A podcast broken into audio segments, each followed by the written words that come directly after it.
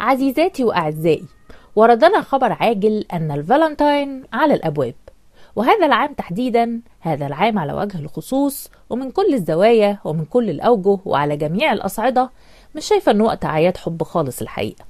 فمع الحرب اللي دايرة جنبنا واللي بينتج عنها كل يوم صور وفيديوهات وتسجيلات صوتية مش بس بتقول إن مفيش حب في العالم ده مفيش إنسانية مفيش رحمة مفيش دم أساسا إلا ما يراق يوميا على مرأى ومسمع من العالم وقادته وصحافته وفلاسفته في الوقت اللي الكل فيه عامل من بالها وحتى اللي ربنا بيكرمه يرمي كلمتين شجب أو إدانة بيعاقبوه بالتحذير أو الفصل في موجة شديدة البجاحة من تكميم الأفواه. ونظرا لطوفان زيادة الأسعار ومشاكل الاستيراد والتضخم اللي زنقنا في الحيطة فبوكيه الورد أصبح بتمن عربية صغيرة كان أهلنا بيعملوا جمعيات شهور طويلة عشان يشتروها زمان. أما علبة الشوكولاتة المحترمة فأصبح شرائها بسبب أسعارها قلة عقل متناهية أو ذريعة مباشرة تخلي مباحث الأموال العامة تيجي تخبط على بيتك متسائلة. ابن مين أنت عشان تقدر تشتري علبة شوكولاتة؟ من أين لك هذا يا خفيف؟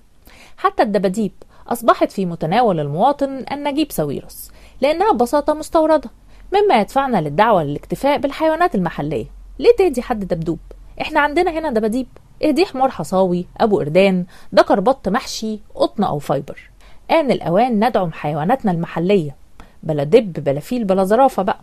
ومن جهة تالتة نظرة سريعة على صفحات الحوادث اسأل بس العم جوجل سؤال ابتديه بمقتل زوجة أو مقتل زوج أو جريمة حب أو بسبب الخيانة عشان تعرف وتتأكد أن نماذج الحب اللي موجودة في محيطنا والمحيطات المجاورة لا تلبث أن تنتهي كأغنية من أغاني تامر عاشور.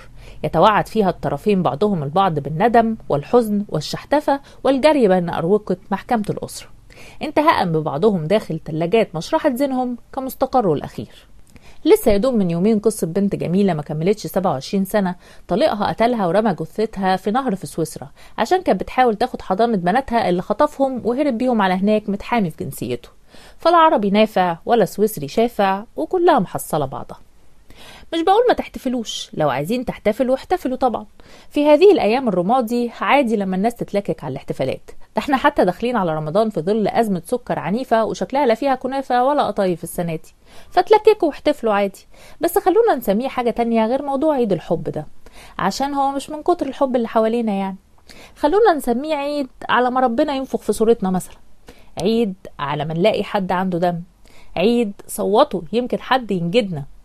عيد فلما استحكمت حلقاتها ودينا مستنيينها أن تفرجوا. بس بلاش موضوع الحب ده على الأقل السنة دي عشان غالبا محدش هيصدقه. غادة عبد العالي.